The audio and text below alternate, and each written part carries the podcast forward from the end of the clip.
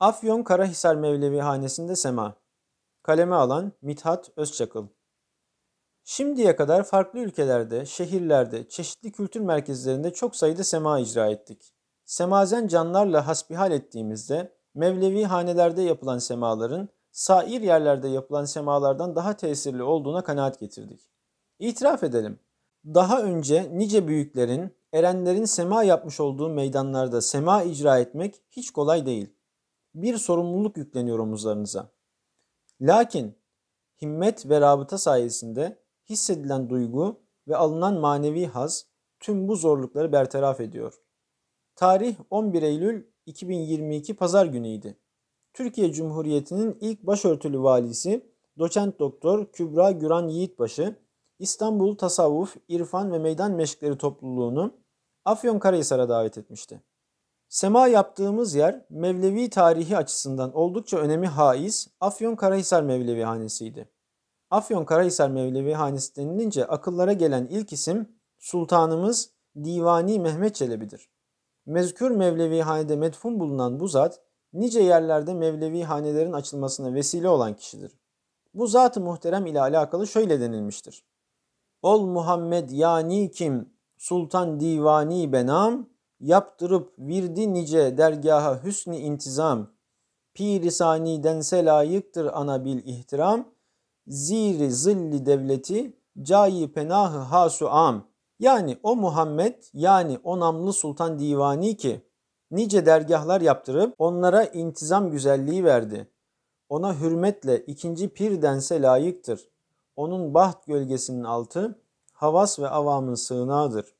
Şeyh Galip Hazretleri de yine Divani Mehmet Çelebi için şöyle demiştir.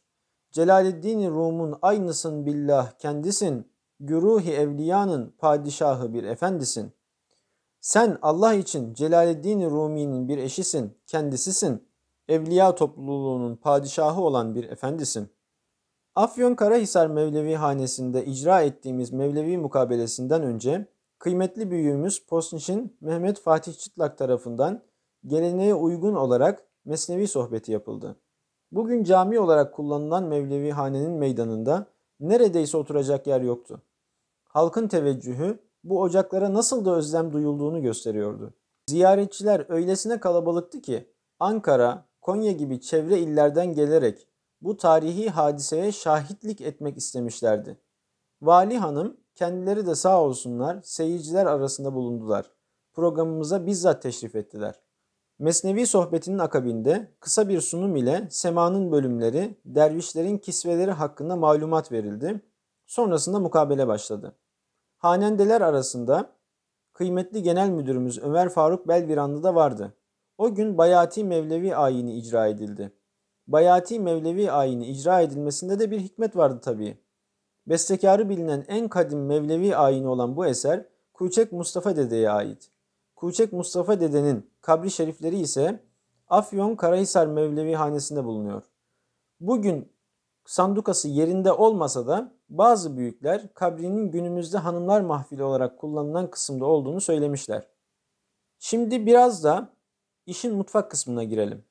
Semazen için meydanın zeminin pürüzsüz ve düz olması çok önemlidir. Semazenin çarkı çok düzgün olsa bile eğer zeminde problem varsa zikir yerine yani rabıta ile sema etmek yerine bedeni ile meşgul olur. Öyle zeminler vardır ki semazen düşmemek için sema eder, öyle zeminler vardır ki semazeni semaya teşvik eder. Bir çark atarsın, sanki ikinci çarkı da zemin atar. Maalesef Afyon Karahisar Mevlevi Hanesi'nin avlusunda icra ettiğimiz sema ilk verdiğim örneğin içerisindeydi. Sema için hazırlanan platform mermer zeminin üzerine basit tahta parçalarının alelade birleştirilmesi ile oluşturulmuş, birleştirilen yerlerde ise adeta kod farkı var. Bir de buna eğim sorununu ekleyin. Eğer eğim olursa semazen eğimin zıt istikametine doğru çark atar. Bu da ekstra efor ister. Neyse, burada izah etmeye çalıştığımız durum işin mutfak kısmını oluşturuyor. Yani izleyenlerin pek farkında olmadığı ama semazenlerin ciddi zorlandığı bir durum. Sanki biraz pesimist oldu. O zaman optimist bir yaklaşım sergileyelim. Mekanın önemli olduğundan bahsetmiştik. Zor bir sema da olsa rabıtamızı orada bulunan zevat-ı kirama yapmaya çalıştık. Büyüklerden himmet dilendik. Üçüncü selama gelindi. Hanendeler coştu da coştu. Kimi hanendeler ayini bir üst oktavdan okudu. Semazenler de daha hızlı çark atmaya başladı. O sırada sanki zemin unutturuldu ve sema bizi içine aldı. Sema sırlandığında ise ne bir yorgunluk kaldı ne de zemin meselesi. Peki niçin içeride asıl meydanda sema yapılmadı da avluya bir platform kuruldu diye soru sorduğunuzu duyar gibiyim. Evet haklısınız. Güzel bir soru. Ümit ediyorum ki tarih boyunca en önemli Mevlevi hanelerden biri olan bu mekanda bir dahaki sefere asıl meydanda sema yapılır. Belki de semahanenin muntazam ahşap zemini yıllardır sema yapılsın diye bekliyordur.